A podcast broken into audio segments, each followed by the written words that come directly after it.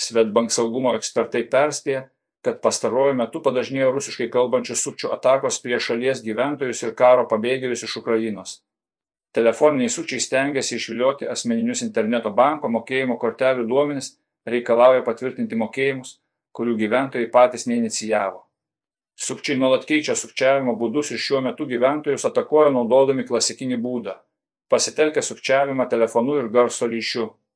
Skambinantis asmenys prisistato banko, policijos, prokuratūros ir kitų įstaigų darbuotojais ir informuoja apie neva neteisėtas operacijas sąskaitoje ar bandymus atlikti pavedimą iš kliento sąskaitos. Taip stengiamasi sukurti psichologinio šoko būseną, čia pat pasiūlant fiktyvę pagalbą, sako Žygėda Augonė, Svetbank informacinės saugos vadovė. Pasak Žiaugonės, išskirtinis pastarojo meto telefoninių sukčių bruožas. Jie dažniausiai į gyventojus iš karto kreipiasi ir bendrauja tik rusų kalbą, nes absoliučia dauguma atvejų skambinama ne iš Lietuvos. Tam pasitelkiamos įvairios nuotolinio bendravimo programėlės, pavyzdžiui, WhatsApp, Viber.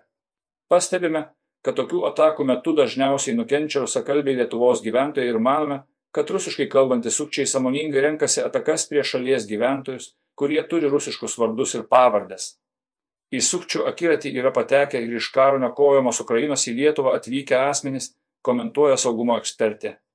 Paskambinus telefonu ar nuotolinio bendravimo programėle, pirminis sukčių tikslas yra sukelti įtarimus. Neva iškilo reali grėsmė prarasti pinigus arba susilaukti teisėtvarkos pareigūnų dėmesio dėl sąskaitoje atliekamų neteisėtų veiksmų.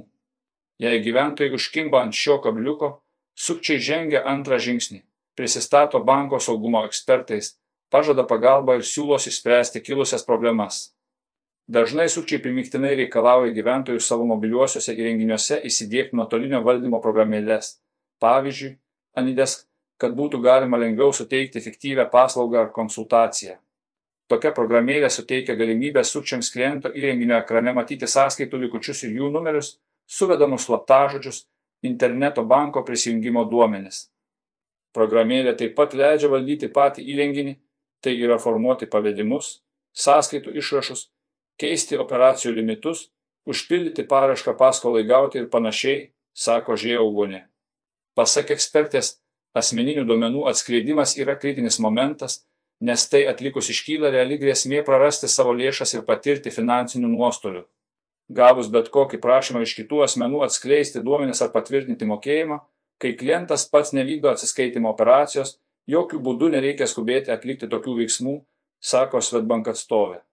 Žieaugo neprimena pagrindinį sukčių atpažinimo būdą banko darbuotojai niekuomet patys neskambina gyventojams prašydami atskleisti prisijungimo duomenų, slaptažodžių, PIN kodų ar kitos slaptos informacijos. Svarbu žinoti, kad bankų nereikia klientų sutikimo tam, jog būtų atšaukta ar sustabdyta mokėjimo operacija. Saugokite savo prisijungimo priemonės kodus įsiminkite, o neužsirašykite, niekam jų neatskleiskite. Apsaugokite savo išmaniuosius įrenginius ekrano užraktų ir niekuomet neskubėkite suvesti turimos tapatybės patvirtinimo priemonės duomenų. Prieš suvesdami PIN 1 ar PIN 2 įdėmiai perskaitykite, kam duodate sutikimą, kadangi toks tvirtinimo būdas atitinka jūsų asmeninį parašą.